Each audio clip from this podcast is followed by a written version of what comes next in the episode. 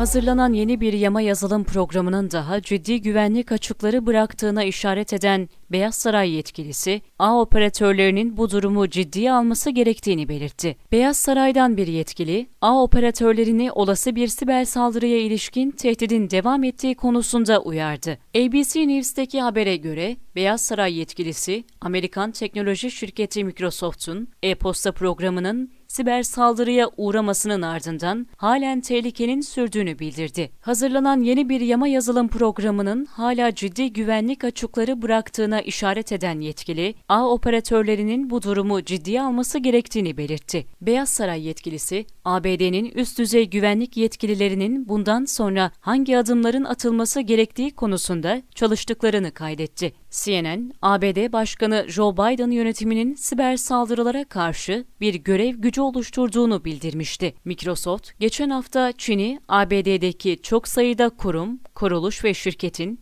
elektronik postalarına siber saldırı düzenlemekle itham etmiş ve e-posta sunucularına saldıran Çinli bilgisayar korsanlarının devlet destekli, oldukça yetenekli ve bilgili olduğunu kaydetmişti.